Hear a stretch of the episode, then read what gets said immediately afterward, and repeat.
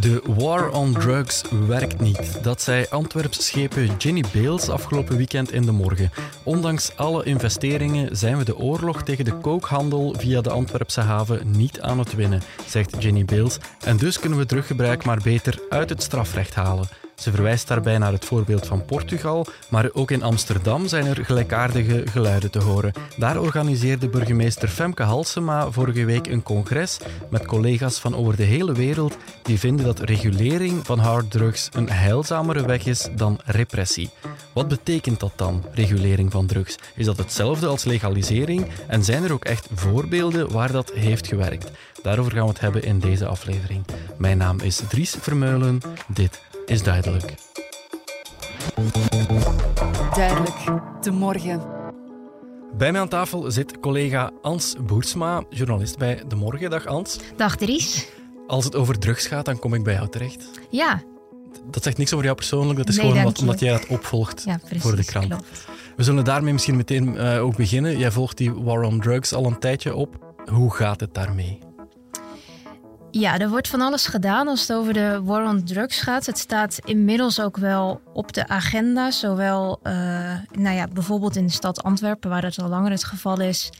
Maar ook federaal. En dat zien we toch ook afgelopen jaar wel aan de ontwikkelingen. Bijvoorbeeld de aanstelling van Nationaal Drugscommissaris Ine van Wijmers. Die, die ja, toch ook een beetje die paraplu-functie inneemt. Van ja, er zijn heel veel actoren actief eh, in de strijd tegen de georganiseerde misdaad. En eh, ja, daar wordt steeds meer aan gedaan om, ja, zo in België, maar op, ook op Europees niveau wel dat wat meer met elkaar eh, te connecten. Ik denk dat dat een goede ontwikkeling is. Dus dat in de strijd tegen de georganiseerde misdaad ja, meer de samenwerking gezocht wordt. Ehm, en dat er bijvoorbeeld in de haven van Antwerpen ook wel eh, stevige ontwikkelingen zijn, zoals de oprichting van het havenkorps dat dit jaar van start gaat. Maar ook als je kijkt naar de inbeslagnames van kook, is heel erg toegenomen. Met meteen ook daarbij eh, natuurlijk de bedenking dat we dan niet weten hoeveel er alsnog wel doorgaat. Dus de haven Ja. van Antwerpen is natuurlijk nog altijd een belangrijk eh, kanaal om Maar, maar er wordt wel echt meer cocaïne tegengehouden dan vroeger. ja, er is eh 10% meer. Ook afgelopen jaar weer. De cijfers zijn net bekendgemaakt. Ehm, dus het gaat om 121 ton cocaïne in beslag genomen in de havens van Antwerpen en Zeebrugge. Dat is dus 10% meer eh, dan het jaar daarvoor en opnieuw een recordvangst. Mhm. Wat natuurlijk weer problemen ook oplevert, want waar gaat die kook heen? Maar ook daar wordt aan een oplossing gewerkt. Want er wordt gekeken naar een manier waarop die kook meteen vernietigd kan gaan worden zodra het eh, in beslag is genomen. Ja. Wat, Ja. Je, wat je ook ziet, eh, en dat daar waarschijnlijk mee samenhangt, is dat die drugsmafia, zullen we ze maar Mhm. noemen, zenuwachtiger wordt. Want de laatste Ja. jaren merk je in Antwerpen, ik woon hier zelf ook, ja, toch wel echt een toename van dat extreme geweld, branden in Ja. restaurants, eh, granaataanslagen en zo verder. Dat is toegenomen, hè? Ja, en ik denk dat we daar heel veel ook niet van zien wat er in die Mhm. onderwereld gebeurt. En we hebben daar wel iets van meegekregen natuurlijk nu, omdat al die Sky-rechtszaken lopen. Waarbij natuurlijk dat hele communicatiesysteem van eh, drugscriminelen is eh, ontmaskerd. En waardoor nog altijd veel rechtszaken lopen. Daarbij bijvoorbeeld ook eind december was er nog een uitlevering vanuit Dubai van een drugscrimineel. Kijk, als het doel is om de drugscriminelen het heet onder de voeten te maken, dan, dan kun je natuurlijk met repressie best wel veel werk verzetten. Ja, en daar wordt dan ook hard op ingezet. Het, het zogenaamde stroomplan, dat voornamelijk rond de haven van Antwerpen die drugsmafia moet bestrijden. Dat bestaat al sinds 2017. Daar is enkele jaren later ook nog eens extra in geïnvesteerd. Het aantal drugsmagistraten is verdubbeld. Dus er worden wel heel veel middelen ingezet om die drugs te bestrijden. Maar eigenlijk gaat het gewoon door. Cocaïne wordt nog altijd verhandeld. Er wordt nog meer gebruikt dan vroeger. Ja, het, het stopt dus niet hè, door die war on drugs. Kijk, dus de strijd tegen drugs die is niet te winnen. Dat zegt iedereen ook wel. Je kunt, het, eh, je kunt de business behoorlijk dwarsbomen. Dat is wat je kunt doen. Maar we weten ook allemaal, drugs zijn hier en, en blijven hier, denk ik ook. Eh, dus de oplossing zit, zit niet alleen aan die repressieve kant. Dus Nee. ik, ik denk dat, dat drugs altijd wel een weg zullen vinden. En ga je kook tegenhouden in de haven van Antwerpen, komt het in een andere haven binnen. En dat is niet om een heel negatief verhaal te schetsen of te zeggen we moeten niks doen. Maar dat is wel de realiteit. Eh, je kan nog zo innovatief te werk gaan.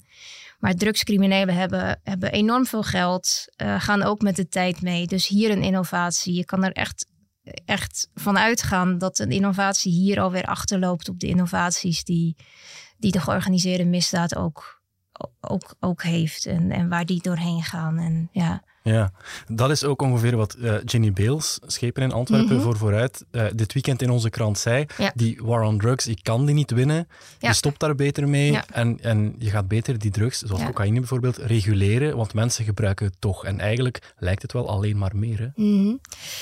Ja, en zij zei ook in datzelfde interview van we moeten ook niet doen alsof iedereen aan de drugs is. Dat is natuurlijk ook wel zo. Maar als we naar de cijfers kijken, ook in bijvoorbeeld Antwerpen, uh, neemt het drugsgebruik uh, toe.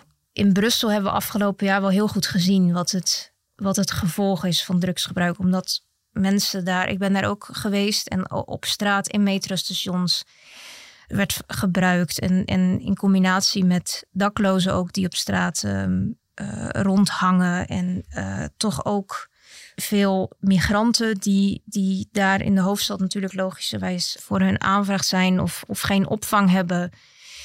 Dus dat is daar aan de orde. Openlijk druk, drukgebruik op straat in Brussel en in Antwerpen blijkt wel uit de cijfers van vorig jaar dat, dat de uh, cocaïne hoofdstad van uh, Europa is. En niet alleen door het feit dat die kook de haven binnenkomt, maar ook door, het, door de restanten van kook die gevonden worden in het riool. Ja, en niet alleen kook, want ik, ik, las vandaag nog ook in de krant dat uh, designer drugs bijvoorbeeld ook via, via het internet gewoon veel vaker besteld worden dan vroeger. Dat zit ook allemaal in de lift. Ja, en ik vond dat ook wel een, een, een vrij ontluisterend artikel, omdat we de onwetendheid over bijvoorbeeld designer drugs, wat dan een druk is die in een laboratorium gemaakt wordt van chemische stoffen die eenzelfde effect hebben als, als de, de druk die wij dan op de markt zien, bijvoorbeeld uh, cocaïne of, of iets anders. In België is, is dat ook niet legaal. In Nederland wel. Maar ja, dan kunnen we natuurlijk dat gewoon per post bestellen. Zo. Maar wat mij heel erg opviel daaraan is dat de mensen die geïnterviewd werden in dat stuk eigenlijk helemaal niet zo goed wisten wat voor producten ze in handen hadden. Mhm. En dat zit natuurlijk ook aan die preventiekant van wat ben je nu eigenlijk aan het slikken of aan het snuiven en wat doet dat en, en dat, dat verhaal. En zolang je natuurlijk wel drugs heel erg criminaliseert of zo in dat schaamtehoekje zet, dan is dat gesprek daarover ook niet zo goed mogelijk. Ik ben Steven Debout, ik ben onderzoeker aan de VUB, specifiek bezig rond, rond terugbeleid. Ik ben daarnaast ook actief binnen een burgerexpertenbeweging die pleit voor een evidence-based terugbeleid en voor een aantal hervormingen. En ik heb onder meer ook een verleden daarvoor in de drughulpverlening. Als criminoloog is Steven Debout actief bij de VZW Smart on Drugs, die ervoor ijvert om het drugbeleid in ons land grondig te hervormen. Want het huidige beleid, waarin druggebruik simpelweg verboden is, dat werkt gewoon niet. Dat werkt niet in de zin van nog de vraag daalt, want dat zou je verwachten, hè, of dat is, dat is de hoop van het gebruik daalt. Ja. Nog het aanbod daalt. Je merkt dat het aanbod niet daalt bijvoorbeeld doordat er geen noemenswaardige prijsstijgingen zijn. Als het aanbod echt zou onder druk staan, dan zou, zou de prijs van producten stijgen. Maar die zijn ook al, al heel lang hetzelfde. Daarnaast heb je wat we noemen perverse effecten van het verbod. Zoals onder meer, je kunt geen kwaliteitscontrole doen op producten. Mensen weten niet bijvoorbeeld bij ecstasy of bij cocaïne van ja, is het eigenlijk zuiver of zitten daar andere meer gevaarlijke producten in, substanties in. Een ander is ook dat je merkt, en dat merken we heel goed in Antwerpen en Brussel bijvoorbeeld, dat in een illegale markt er akelige dingen gebeuren. Afrekeningen, geweld, dat is eigen aan een, aan een systeem dat illegaal is. Omdat je, ja, de alcoholindustrie is eigenlijk vredig omdat ze net legaal is. Omdat, je, ja, omdat er handelstransacties zijn, omdat je, als er geschillen zijn, omdat er een uh, rechtbank van koophandel is en zo verder enzovoort. Dus het is ook eigen aan een, aan een zwarte markt dat daar, dat daar akelige dingen in gebeuren. Mhm. Ja, sommige experten, veel experten, pleiten dan ook voor een, een decriminalisering van druggebruik. Wat, wat zou dat concreet inhouden? Kunt u dat kort uitleggen wat dat is? Uh, en en ja, spreken we dan echt over legalisering of hoe moeten we dat zien? Nee, dus dat zijn twee verschillende dingen. Decriminalisering versta ik allez, zo in de literatuur ook als de vraagzijde, dus het gebruik, mhm. het persoonlijk gebruik uit het strafrecht halen. Dat is een model dat bijvoorbeeld in Portugal wordt toegepast, dat je van elk product, welk dan ook, een kleine hoeveelheid op zak mag hebben. Ja. In Portugal heeft men dat gedaan en wat doet men als men vaststelt dat iemand dat product op zak heeft? Dan word je doorverwezen naar een commissie met een sociaal werker, naar verslavingsdeskundigen, en word je gevraagd om daar in gesprek te gaan over hoe loopt het met jouw gebruik.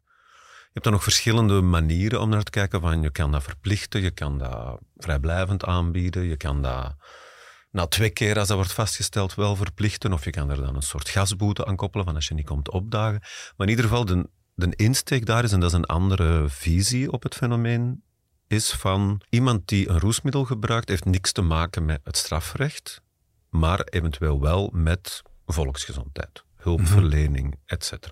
Je ziet ook dat in Portugal bijvoorbeeld het gebruik niet noemenswaardig gestegen is, want dat was een vrees wel, van een aantal ja, politieke partijen of, of, burgers ook een zorg van oei, gaat niet het gebruik sterk stijgen. We zien dat dat niet noemenswaardig gebeurd is. En wat dan me vooral gezien heeft in Portugal, is dat het problematisch gebruik gedaald is. Hoe komt dat? Omdat je, wat heeft men in Portugal gedaan? Ja, een hoop middelen van politie en justitie, hè, parket dan bijvoorbeeld, die voorheen gingen naar gebruikers vinden en kleine hoeveelheden vinden en, ja, en dan een PV en dan naar parket en zoveel enzovoort. Ja, daar is een hoop vrijgekomen van middelen en men heeft extra die middelen en nog andere middelen geïnvesteerd in sensibilisering, preventie, vroegdetectie, zoals we dat noemen. Dus sneller bij zijn vanaf dat je merkt dat iemand evolueert naar verslaving, problematisch Dat gebeurt ook niet in één keer. Meer hulpverlening. En het is door die wissel dat men eigenlijk heel positieve resultaten gemerkt heeft. Stel nu dat we dat in België ook invoeren. Bijvoorbeeld, het is toegestaan om vanaf nu een kleine hoeveelheid cocaïne op zak te hebben. Wil dat dan ook zeggen dat cocaïne hier gewoon verkocht mag worden? Nee, dat is, dat is iets helemaal anders. Dus decriminalisering gaat puur over die gebruikerszijde. Mm heeft niks te maken met aanbod. Dus alle, alle verkoop, uh, alle dealers en zo enzovoort, heel de aanbodzijde, die blijft in het strafrecht staan. Oké. Dus ik zie dat persoonlijk ook als een eerste stap. De volgende stap is dan wat men vaak noemt legalisering, maar ik spreek liever over regulering, en dat je de aanbodzijde gaat aanpakken. Ja, want dat is dan ook wat Jenny Beels bijvoorbeeld zegt. Hè. We moeten als overheid de verkoop van cocaïne en andere harddrugs gaan reguleren, controleren, zodat we zelf in de hand hebben wat er wordt verkocht. Maar, maar hoe moeten we dat dan zien? Gaat de overheid dan zelf coke aanbieden of, of hoe werkt dat dan? Wel, dan heb je verschillende modellen. Hè? Maar het, het uitgangspunt is dat je het aanbod in handen neemt. Dus dat je het niet langer overlaat aan, aan criminelen en aan iets waar we geen zicht op hebben. Mhm. En dat je een model ontwikkelt om het in eigen handen te nemen. Je kan dat op verschillende manieren doen. We zullen het voorbeeld van cannabis nemen. Dat is iets gemakkelijker om te starten, omdat je dat zelf ook kan kweken. Ja. Dus stel cannabis, men doet dat zo bijvoorbeeld in Uruguay. Je kan dat in overheidshanden houden, die productie daarvan, die kweek daarvan. Je kan dat ook uitbesteden aan bedrijven via licenties. Hetzelfde met dan de verkoop. Je kan werken met, met shops, je kan dat naar de private markt doen, waar ik geen voorstander van ben. Zoals we dat eigenlijk doen met alcohol. Mhm. Maar je kan dat ook doen via verkoop in non-profit winkels of non-profit ja, plekken, waar dan mensen dat kunnen halen. Je kan dat ook doen via apothekers al of niet op voorschrift. Dat is dan nog een andere keuze die je kan maken. Dus de keuze van het reguleringsmodel is eigenlijk de volgende vraag. Die komt nadat je om te beginnen gekozen hebt om regulering te willen doen. Mhm. En voor mij is dat een belangrijke stap, omdat je eigenlijk alles wat dan nu onder de radar gebeurt, naar boven haalt. Je krijgt die kwaliteitscontrole, je kan, uh, je, kan je zal leeftijdscontrole doen. Je kan er taxen op heffen, waardoor dat je ook uh, ja, afhankelijk van de prijs van het product een stuk de, de drempel verhoogt. Je kan goed nadenken over die drempels, want afhankelijk van het product en de risico's eraan verbonden kan je de toegankelijkheid moeilijker maken. In België zitten we natuurlijk met die haven van Antwerpen, die bijzonder handig is voor internationale drugshandel. Echt een draaischijf voor bijvoorbeeld de kookhandel. Is dat iets dat je echt kan doen verdwijnen of, of sterk kan doen verminderen door, door die handel te gaan reguleren? Ja, als je het goed doet. Dus wat ik mee wil zeggen is, elk reguleringsmodel moet erin slagen om de zwarte markt grotendeels over te nemen. Anders is het niet echt een succes. Hè? Dan, dan blijf je zitten met het geweld dat eigen is aan een zwarte markt. Maar in een goed reguleringsmodel, ja, de illegale markt rond alcohol, die is bij mijn weten heel beperkt. Ja. En, het, en het geweld dat we dan daar rond zien, is dus ook heel minimaal. Dus als je iets op een, hetzelfde met tabak bijvoorbeeld, dus als je iets op een goede manier reguleert, dan is dat de enige echte duurzame oplossing om het geweld en de, de, de akelige dingen die gebeuren in het huidige systeem te doen verdwijnen of grotendeels te doen verdwijnen. En vooral duidelijkheid, allee, drugs, roesmiddelen zullen altijd hun uitdagingen hebben en hun maatschappelijke zorg. Er zullen, er zullen problemen blijven rond problematisch gebruik, rond verslaving. Er zal goed moeten nagedacht worden over hoe gaan we de, de toegankelijkheid ervan doen. Er zal heel veel politionele opvolging ook nog nodig zijn rond de, regels gevolgd worden. Er moet kwaliteitscontrole gedaan worden. Daar zal soms van afgeweken worden. Daar moet, er zal soms niet oké omgegaan worden met die leeftijdscontrole. Er zullen misschien nog bepaalde elementen van de zwarte markt blijven. Niemand kan beweren die, die het thema wat kent van er is een soort uh, zaligmakende oplossing. Mhm. Het gaat erover welk recept heeft het meeste kans, of weten we dat het beste is vanuit het perspectief van roesmiddelen zijn een kwestie, alleen een element van volksgezondheid. En niet een kwestie van politie en, en, en repressie. En ik denk dat we een shift nodig hebben in onze visie op roesmiddelen.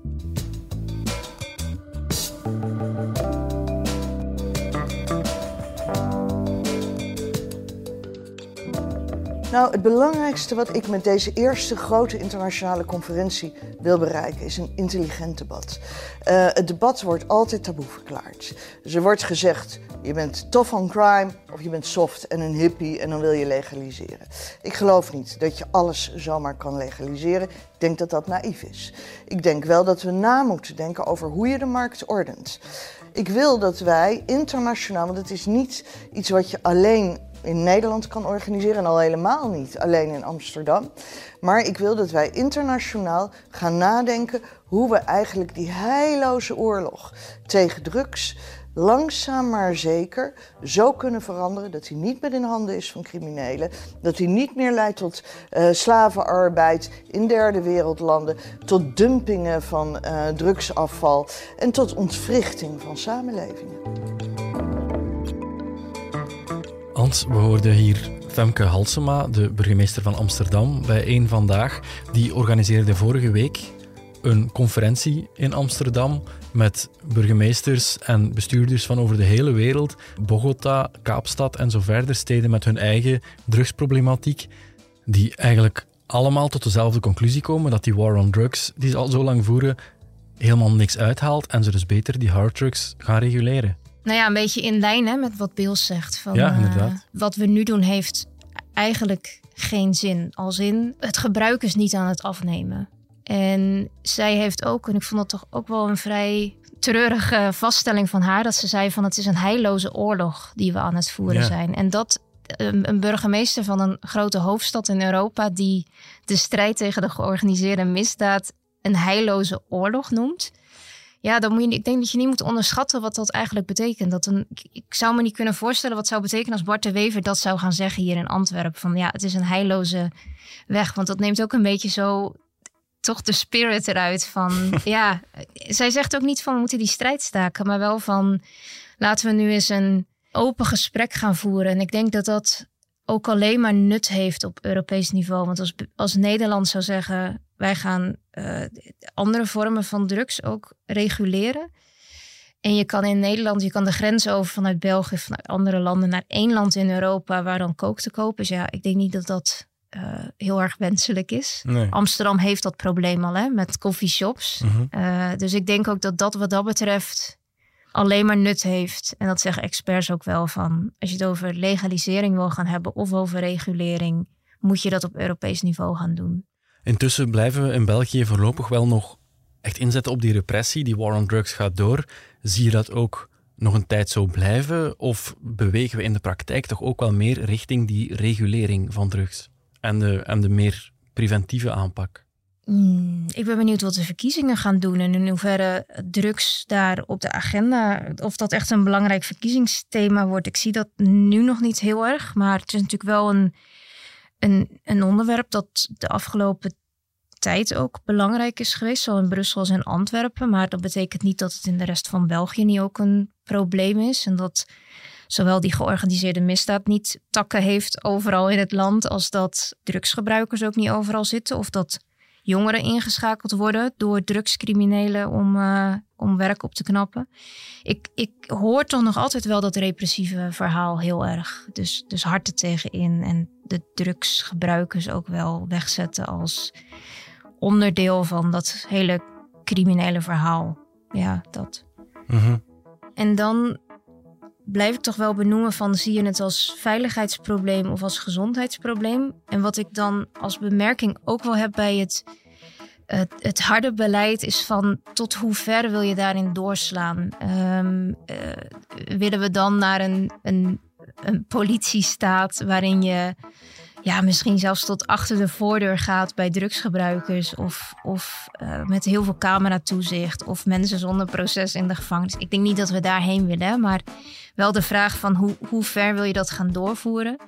En als je dan ook naar een land als Thailand kijkt, waar de doodstraf staat op uh, drugsgebruik bijvoorbeeld. Ja, dat heeft tot geen enkel resultaat geleid. En daarin hoor ik toch ook wel veel van criminologen die zich hiermee bezighouden. Dat ze zeggen ja, dat een repressieve aanpak voor drugsgebruikers werpt niet heel veel vruchten af in de praktijk.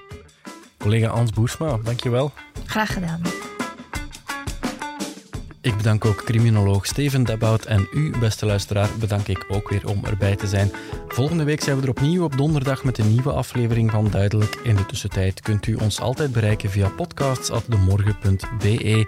Vergeet ons zeker ook niet te volgen via Spotify, Apple Podcasts of waar u ook uw podcasts haalt, zodat u geen enkele aflevering hoeft te missen. Heel graag tot volgende week. Dit was Duidelijk.